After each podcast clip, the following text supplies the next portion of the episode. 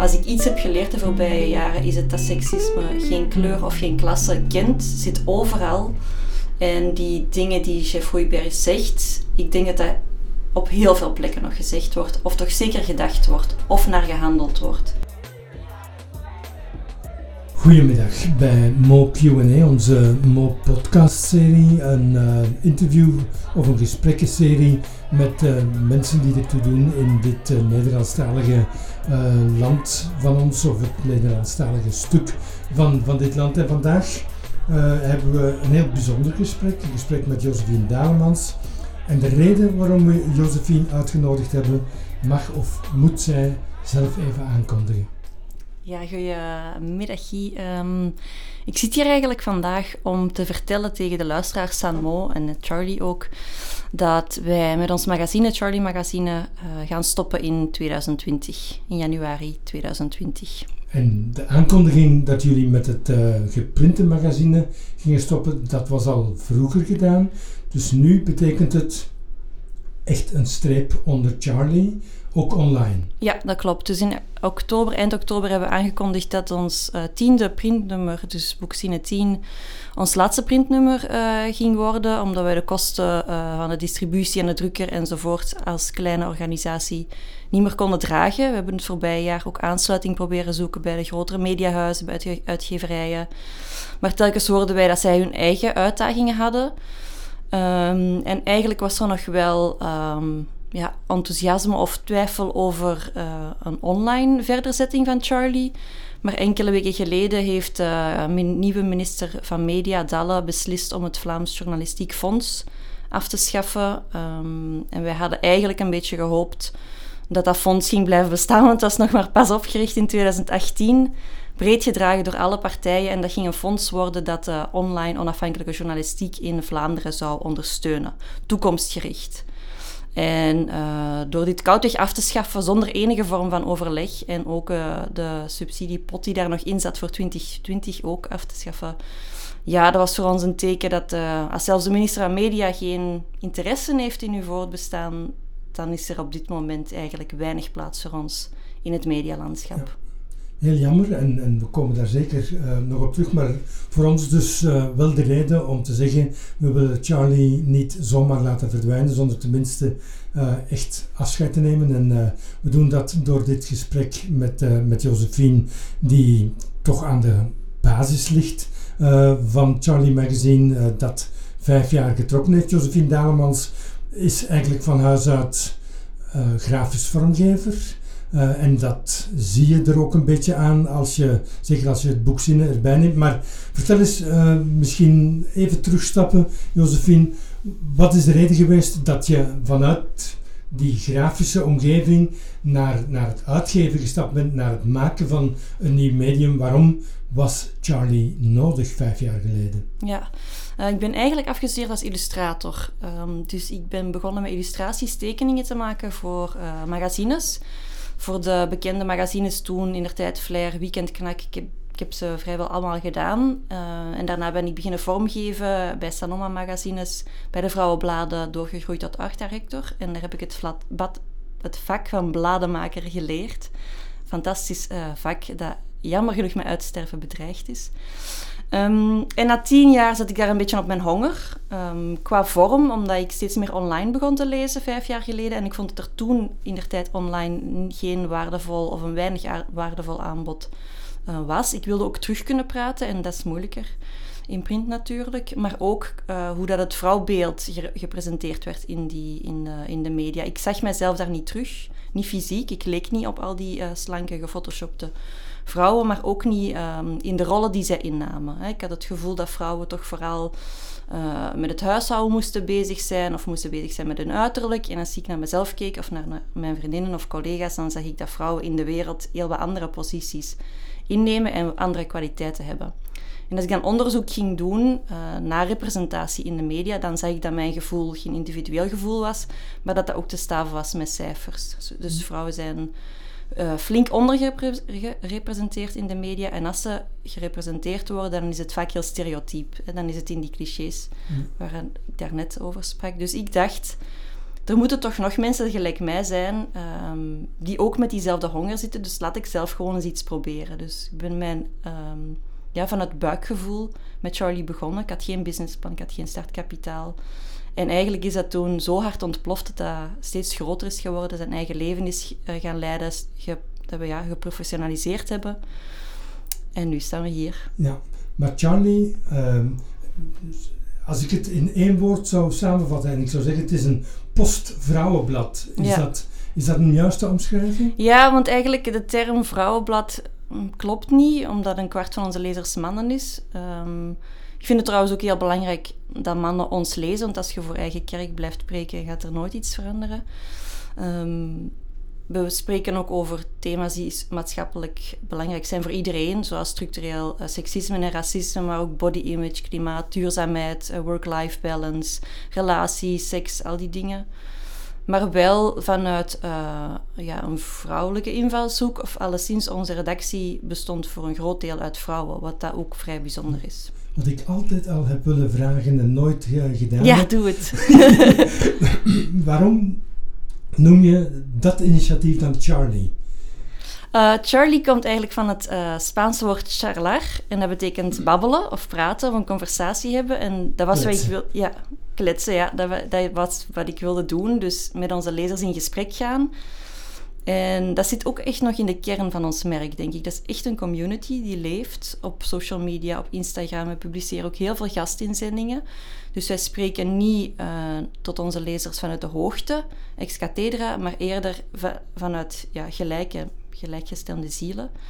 En je voelt die samenhorigheid ook um, ja, bij ons. Plus, ja, Charlie is gewoon een hele leuke naam voor uh, een vrouw, zowel als een man. Of iemand die zich daartussen beweegt. En dat lijkt gewoon een leuke persoon om mee op café te gaan. Ja. En als jullie in gesprek zijn gegaan met die lezers en lezeressen gedurende uh, een vijftal jaar, wat zou je dan daar vandaag uithalen als de belangrijkste thema's die die lezers op de agenda van de media willen zetten vandaag in Vlaanderen? Ja, um, in de voorbije vijf jaar heb ik een aantal thema's echt zien ontploffen. Uh, in de beginjaren was dat vooral de work-life balance, hè, de burn-outs die dat de pan uit uh, en ja, hoe dat je een gezin gecombineerd krijgt. Mijn carrière, zeker als vrouw, dat vandaag nog super moeilijk is. Uh, ja, gendergelijkheid is ook echt iets dat eigenlijk alleen maar sterker is geworden, zeker sinds MeToo. Um, ook seksueel geweld op vrouwen en ook op mannen trouwens. En een derde thema is, uh, is het racisme. Uh, dus het Zwarte, Zwarte Pieten-debat hebben wij uh, een aantal jaar geleden al op tafel gelegd. Proberen daarover te praten. Maar ook zo het dagelijkse racisme. Ook representatie van mensen met migratieachtergrond vandaag. Dat zijn toch wel thema's die onze lezers beroeren, ja. Ik denk dat dat eh, een van de opvallende zaken is die jullie met Charlie gedaan hebben. Trouwens, uh, vertrokken als, als een blad met een heel sterke klemtoon op vrouwen en, en hun vertegenwoordiging of hun, hun thema's, hun maatschappelijke debat. En heel snel zijn jullie misschien het meest diverse mediaplatform geworden in Vlaanderen. Um, dat is vanzelf gegaan of was dat uh, een heel bewuste politieke keuze van, van jou of van de kleine kern die Charlie begon of trok? Goh, um, ik denk een beetje van beide. Um, als vrouw weet je hoe het voelt om niet aan het woord te mogen komen of niet gerepresenteerd te worden. En daardoor heb je vanzelf meer empathie met andere mensen die datzelfde gevoel hebben. Uh, ik vond het in mijn beeldvorming ook heel belangrijk dat er mensen werden getoond van alle maten en kleuren en genders en geaardheden. En vanzelf, als je dat beeld uitstraalt, trek je die mensen ook aan. Dus we hebben heel snel uh, redacteurs gekregen, gelijk Dalila Hermans of een Sue Suki die bij ons als stagiaire is begonnen. Die, wilden mee, die zich herkenden in die beelden en die wilden meewerken uh, aan Charlie Magazine. En als je inclusief bent, dan komt die diversiteit vanzelf. Dat is bij ons nooit een doel geweest, maar ja, dat ging vanzelf omdat je inclusiviteit heel belangrijk vindt en dat ook snapt wat dat inhoudt. En dan wordt je redactie en wat dat je uitdraagt vanzelf divers. Opvallend wel is, en dat is zeker geen kritiek, maar is dat de diversiteit die aanwezig was en zichtbaar werd in Charlie, dat die veel meer ruimte bood aan Afropeans, zoals dat vandaag heet, dan aan de meer klassieke groepen, uh, eerder mensen met een achtergrond als Afrikaanse, uh, vanuit Afrikaanse migratie, dan vanuit Noord-Afrika of vanuit Turkije bijvoorbeeld. Heb je daar ook een verklaring voor? Ja, uh, we hebben wel een aantal columnisten gehad, uh, zoals Yasmina El Messaoudi en Hayat bijvoorbeeld. Sarah Dimani is bij ons graafs ontwerper geweest. Ik heb daar geen sluitende verklaring voor. Misschien wel dat die richtingen, dat hoor ik toch als ik op journalistieke opleidingen ga spreken, dat die richtingen um, minder aanspreken tot die, tot die mensen. Dat uh, een richting journalistiek vrij zelden, ja, zelden gekozen wordt door mensen met een migratieachtergrond uit Marokko of Turkije. Ja, maar het is niet zo dat je het gevoel hebt dat de, de taal die jullie gebruikten, de thema's die jullie op de agenda zetten, uh, of de positie, de, de beelden die jullie creëerden, dat dat, uh, dat, dat mm, zeker culturele drempel vormde, dat heb je niet het gevoel. Goh ja, um, misschien uh, dat je bedoelt dat um, sommige vrouwen met een moslimachtergrond, moslimachtergrond uh, meer die modesty culture aanhangen, terwijl het bij ons vaak open en bloot was. Ja. Dat kan een verklaring zijn. Ik ben er nooit echt dieper op inge ingegaan. Um, ja, dat, nee open en bloot zeggen. En dat is dan een van de andere zaken die, die opvalt, die opgevallen is altijd aan Charlie. Niet zozeer dat het een bloot blad was, maar wel dat, uh, dat de zaken open en bloot benoemd werden, dat er taal gezocht werd voor seksualiteit in zijn hele brede en diverse vormen. Dat lijkt een van de basisopdrachten geweest te zijn van Charlie. Ja, Fuck Fake was onze eerste baseline. Daarna uh, Keep It Real. Um, dus ongefilterd, ongecensureerd, ongefotoshopte beelden, maar ook inderdaad de taal. Uh, ik vind dat heel belangrijk om dingen te benoemen, zeker vanuit vrouwelijk perspectief. MeToo was daarin heel belangrijk om echt uh, te benoemen wat er gebeurt of wat er, ja, hoe dat je voelt als er zo'n dingen je overkomen. Um, ik denk dat we daarin toch ja, een verschil hebben gemaakt. Zeker als ik berichten krijg van lezeressen die zeggen van Jullie hebben onderwerpen ter sprake gebracht die bij ons in het gezin aan de keukentafel zelfs niet bespreekbaar waren. En je hebt woorden gevonden voor de dingen die ik al heel lang denk en voel, maar waar ik geen woorden voor vond. En, en dat betekent ook uh, binnen het seksuele zaken zichtbaar maken die niet tot de mainstream behoren. Ja. Het, uh, het gaat ook overigens niet alleen, en dat is ook wel belangrijk lijkt mij, over het uh, benoemen van seksueel geweld. Je verwijst naar MeToo, dat gaat vooral over ongepast seksueel gedrag. Het gaat heel vaak en vooral over genieten, over, over eigenlijk het genot van seksualiteit vanuit vrouwelijk standpunt.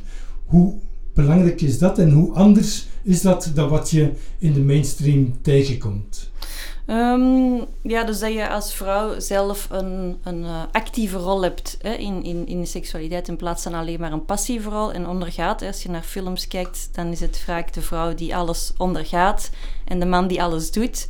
Terwijl in het echte leven is het natuurlijk niet zo, maar dat wordt vaak niet getoond of daar wordt niet zo over ge, gepraat. Hè. We leren uh, onze kinderen, of onze kinderen leren dat uh, mannen de jagers zijn en dat vrouwen de prooien zijn en dat vrouwen moeten pleasen.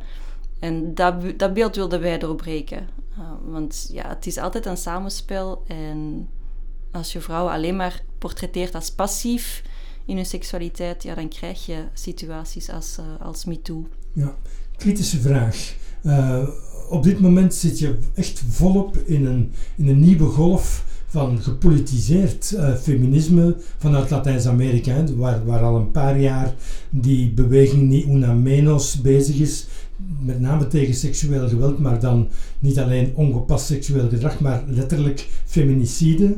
Uh, je krijgt dat nu ook op de pleinen en in de straten van, uh, van Europa via dat Chileense, die Chileense hymne uh, Un violador en su camino. Ehm, daartegenover lijkt Charlie braaf, uh, bijna middenklasse die met zichzelf bezig is. Ja, ja, ik snap dat je dat zo kan bekijken. Um, alhoewel dat wij ook vaak feminaties genoemd worden. Dus dit is mij altijd heel dubbel. Een, een, groep mensen zegt, jullie zijn inderdaad, wat dat jij nu zegt, een middenklasse, uh, uh, braaf feminisme die vooral met zichzelf bezig zijn. Langs de andere kant hoor ik ook vaak dat wij te extreem zijn, te feministisch, te activistisch. Dus dan denk ik, als je beide uh, reacties krijgt, dan zal je wel goed zitten. Um, of helemaal fout. Of helemaal fout, dat kan ook, dat kan ook. Pas op, wij hebben wel vaak over verkrachtingscultuur en seksueel geweld uh, gepraat. Um, maar ik vond het vooral heel belangrijk om die thema's, zoals structurele uh, ongelijkheid op gebied van gender of gebied van kleur, om die aan een breed publiek uit te leggen. Dus wij zijn zeker niet um, de voorhoede-vechters die op de barricade staan, of toch niet alleen. Ik vind het ook belangrijk dat die boodschap begrijpelijk is en bevattelijk is voor een, voor een brede groep mensen. Dat zag ik eerder als mijn taak. Niet het academische feminisme, dat ontzettend waardevol is, maar eerder de vertaling daarvan um, naar een, uh, ja, een grote groep. Ja, en, en wat je dan vandaag ziet, uh, word je daar persoonlijk als, als Josephine uh, warm van? Was jij dit weekend zondag in in Antwerpen of ga je volgende week naar Gent om erbij te zijn met die manifestaties? Of is dat iets dat toch te ver van jouw belevingswereld ligt? Ik was er niet bij op de manifestaties, maar ik moet zeggen, ik, uh, ik ben niet zo'n manifesteerder. Maar ik heb de video wel enkele weken geleden al voorbij zien komen. Ik heb hem toen ook gedeeld en ik heb hem tussen al, denk twintig keer afgespeeld.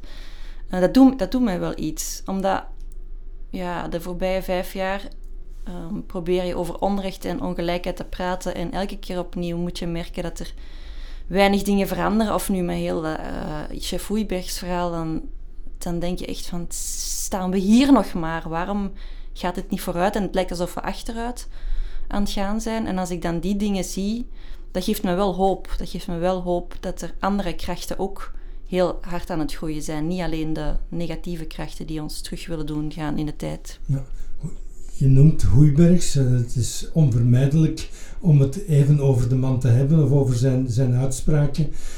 Is hij een soort aberratie? Of, uh, of is het erger dan dat? En is hij representatief voor toch een belangrijke stroming?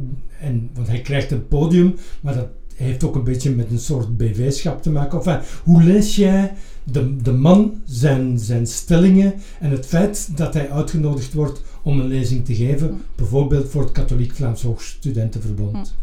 Ik zou het jammer vinden moesten wij alleen maar focussen op chef Hoeibergs als persoon, omdat je dan kan denken, neem hem weg en het probleem is opgelost. Wat absoluut niet het geval is. Hè. Laat mij heel duidelijk zijn. We hebben ook net Bo Koolzaad achter de rug. Uh, als ik iets heb geleerd de voorbije jaren, is het dat seksisme geen kleur of geen klasse kent, zit overal. En die dingen die chef Hoeiberg zegt, ik denk dat dat op heel veel plekken nog gezegd wordt, of toch zeker gedacht wordt, of naar gehandeld wordt. Als ik bijvoorbeeld op uh, netwerkevents kwam, dan uh, schoof ik aan bij een tafeltje uh, oudere witte mannen, sorry, hè? niks tegen... niks tegen oude witte mannen, nee, absoluut Niet. Nee, nee, nee. Maar wel um, vaak de zelfingenomenheid die mannen zeker op machtsposities dan hebben, omdat zij mij dan zagen aanschuiven aan een tafeltje om te netwerken. En dan zeiden zij bijvoorbeeld dingen, ah, je komt de kopjes koffie afruimen zeker. En dan begonnen ze te lachen. Maar zo van die kleine dingen heb ik zo vaak meegemaakt. Uh, zit ik uh, aan tafel uh, bij de CEO van een groot mediabedrijf en dan wenst hij me achteraf nog veel succes met mijn privéprojectje. Zo van die kleinerende boodschappen, dat betuttelende gedrag, ja, dat ze naar u kijken en dat ze denken van, ja, dat meisje, meisje, hè, meisje, schatteke, ja, ik kan, niet, ik kan zelfs niet op, op, op zo'n vaak dat ik zo toegesproken ben geweest in zakelijke context. Dus dat je die praatjes van Hoeibergs, um, die zijn zeker representatief voor een groep, een groep, kleine, grote, dat weet ik niet, groep mannen die daar aan de top staan en die alle beleidsbeslissingen nemen. Iemand reageerde vandaag op uh, sociale media dat de verontwaardiging over Hoeibergs uh, opvallend is in vergelijking met het kleine, dat hangt er dan vanaf in welke bubbel dat je leeft waarschijnlijk, maar de kleine verontwaardiging die er bestaat rond uh, misschien vergelijkbare uitspraken van bepaalde imams. Klopt daar iets van? Zijn we daar, gaan we daar minder gevoelig mee om? Um, goh, dat denk ik niet. Ik bedoel, er, elke dag wordt er wel iets getweet over dat moslims zogezegd vrouwenvriendelijk zouden zijn of dat dat een achterlijke, tussen aanhalingstekens, cultuur zou zijn. Zeker op gebied van gendergelijkheid. Maar waar ik mij altijd over verbaas is van uit welke hoek die, dat dan komt. Hè? De, de, de extreemrechtse hoek veroordeelt die uitspraken van de imams, maar blijft wel achter chef staan. En dan denk ik, waarom kunnen we niet het gedrag veroordelen in plaats van de persoon of de persoon die het zegt? Ehm, ik had een aantal jaren geleden een interview met uh, een vrouwelijke imam uit ehm, Denemarken. Ze heeft haar eigen moskee, Sherin Kankaan. En zij zei ook, zij zat met hetzelfde. Hè. Zij uh, wil een vrouwvriendelijke uh, moskee openen. En vrouwvriendelijke wetten, huwelijkscontracten en zo afsluiten. En zij zei, waarom focussen we ons altijd op de personen en, en welke achtergrond dat die hebben, in plaats van het gedrag aan te pakken. Want het gedrag is universeel en dat is ook echt. Dat is hetzelfde gedrag bij die imam als bij chef Hoeibergs. Is het betuttelende, het vernederende, uh, ja, discriminerende gedrag. We moeten daar een oplossing bedenken in plaats van de hele tijd onze pijlen te richten op een, op een hele gemeenschap. Ja. Je, je zegt het gedrag is universeel. Dat brengt me bij een andere vraag. Op welke manier uh, hebben jullie bij Charlie, of, denk jij uh, dat het mogelijk is om persoonlijke lokale ervaringen en discussies, debatten over, uh, over gender en al wat er daar rond zit, te verbinden met internationale tendensen of met uh, ervaringen in heel andere contexten, heel andere landen of andere plekken van, van de wereld. Is dat belangrijk en hoe doe je dat best?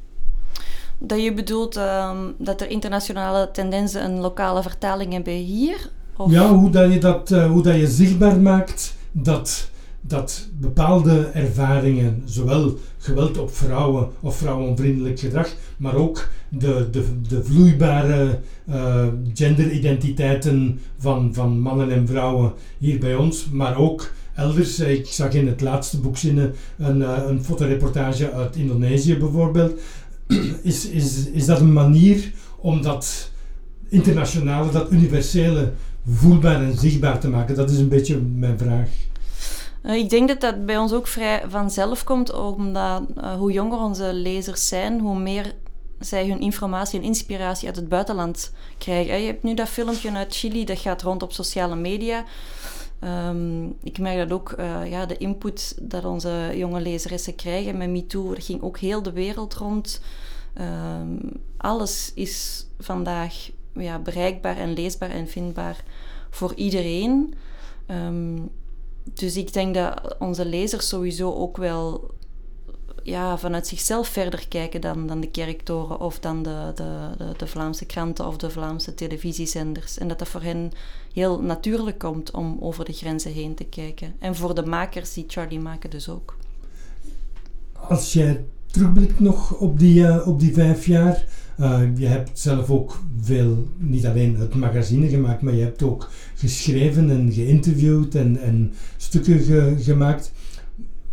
Wat is jouw favoriete interview? Kan je dat zo uit dat archiefgeheugen halen? Dat vind ik heel moeilijk, want ik heb zoveel fantastische mensen ontmoet. Maar er is wel één iemand um, die ik nu nog altijd volg. En dat was een man, een witte man, Guy. Uh, Jens van Tricht uh, van uh, Emancipator uit Nederland. Um, hij werkt ook voor een Men Engage en dat is een vereniging die ijvert voor mannenrechten maar niet op de manier dat jij denkt. Maar zij ijveren voor een, nieuwe uh, vorm van mannelijkheid of um, een, een, ja, het begrip mannelijkheid zoals dat nu wordt geïnterpreteerd om dat open te breken of dat te veranderen. En daar bedoelen zij het macho-model mee, waarbij dat de man de kostwinnaar is en maar tien dagen vaderschapsverlof krijgt en geen emoties mag tonen en enkel zijn emoties toont met boosheid daar ijveren zij voor om die dingen te veranderen. En zij gaan um, in gesprek met uh, tienerjongens, uh, ze gaan in gesprek met CEO's die een depressie hebben. Uh, en het komt eigenlijk idee, het idee van de favelas in Brazilië, waar ze experimenten deden met um, mannen die uit de gevangenis kwamen om hen terug in de samenleving te, te, te, laten ja, opnemen. Um, dachten zij eerst dat ze voor hen jobs moesten voorzien. Maar die jobs zorgden er eigenlijk niet voor dat zij terug geïntegreerd werden. En dan gingen ze met die mannen samenwerken rond uh, hun relaties met hun kinderen, met hun familieleden, met hun moeder, met hun zussen. En door zo hard te werken op die uh, ja, eerder ja, relationele vorming, uh, was het recidivisme veel minder. En daar hebben ze dan lessen uitgetrokken en dat programma proberen ze nu over heel de wereld ja, in te richten. En het is ook iets wat Esther Perel heeft gezegd, uh, relatietherapeuten, van de 20e eeuw was de eeuw van de vrouw. De 21e eeuw moet de eeuw van de man worden. Dus de emancipatie die de vrouwen hebben voltrokken. Hè, wat is vrouwelijkheid? Hoe kun je op verschillende manieren vrouw zijn? Het is nu aan mannen om even in de spiegel te kijken en kijken hoe zij dat te krappe hokje kunnen doorbreken. En ja, Jens heeft dat op zo'n fantastische manier uitgelegd. En ik denk dat, dat we daar nu inderdaad voor staan. En wat ga je nu het meest missen als straks het licht uitgaat ja. bij Charlie? Ik denk toch de redactie, de mensen om me heen. Uh, ik heb met zoveel fantastisch uh, jong geweld samengewerkt. En ik was ook veruit de oudste om de redactie, ik ben maar 40. Um, maar die, ja, elk jaar als wij samenkwamen, iedereen had zijn eigen achtergrond, zijn eigen invalshoek, of haar, beter gezegd. En dat heeft me zoveel rijker gemaakt als mens. Mijn wereld is echt uh, veel, veel groter en rijker geworden. Ook zoveel gelachen. Um, en dat ga ik wel, denk ik, het hardst missen. Want ik denk niet dat er een andere redactie in Vlaanderen is waar die echtheid en, en, en diversiteit uh, ja, zo beleefd wordt. En dat was omdat het vooral vrouwen waren, omdat het Charlie was, omdat het zo divers was. Waar, waar zat het geheim van die redactie? Ik denk, eh, vrouwen, dat weet ik niet, want er waren ook regelmatig mannen op de redactie, maar omdat iedereen zichzelf kon zijn en omdat er geen uh, machtsspelletjes of office politics werden gespeeld, dat iedereen van de stagiaire van 20 jaar tot, tot, tot ik dan uh, evenveel te zeggen had in een vergadering, dat er naar iedereen geluisterd werd en dat iedereen zichzelf ja, waardevol voelde. Zo kon die creativiteit, denk ik, het beste ontstaan en, en ja, de sfeer zat gewoon echt altijd goed wat helemaal overeenstemt met het, uh, met het einde van je laatste voorwoord in het laatste boek Zinnen. Want daar schrijf je, uh, ik lees het even voor, maar onthoud daarna vooral, nu is het aan jou. Laat de Charlie Spirit verder leven in jezelf. Heb wat vaker lak aan wat andere mensen van je denken. Laat jezelf niet in een hokje duwen waar je niet past. Omarm je eigenwijze, imperfecte zelf Don't compromise yourself, zei Janis Joplin al. You're all you've got. Ja, dat is ook zo. Josephine, heel erg bedankt voor, uh, voor dit gesprek over, over Charlie. We zullen Charlie echt missen, natuurlijk. Uh, we komen jou ongetwijfeld nog ergens anders tegen. Net zoals de Sue's en de Dalila's en alle anderen die, uh, die een, springplank gevonden hebben bij Charlie Magazine. Maar het, het platform zelf, het experiment, de vernieuwing, die nemen we mee als een soort archief voor media in, in Vlaanderen. En we hopen natuurlijk dat, dat dit verdwijnen, de minister van Media, toch eens uh, heel hard gaat uh, doen nadenken om te kijken wat dat een mediabeleid kan zijn dat echte innovatie in Vlaanderen ondersteunt en mogelijk maakt in plaats van afknapt. Heel erg bedankt. Graag gedaan.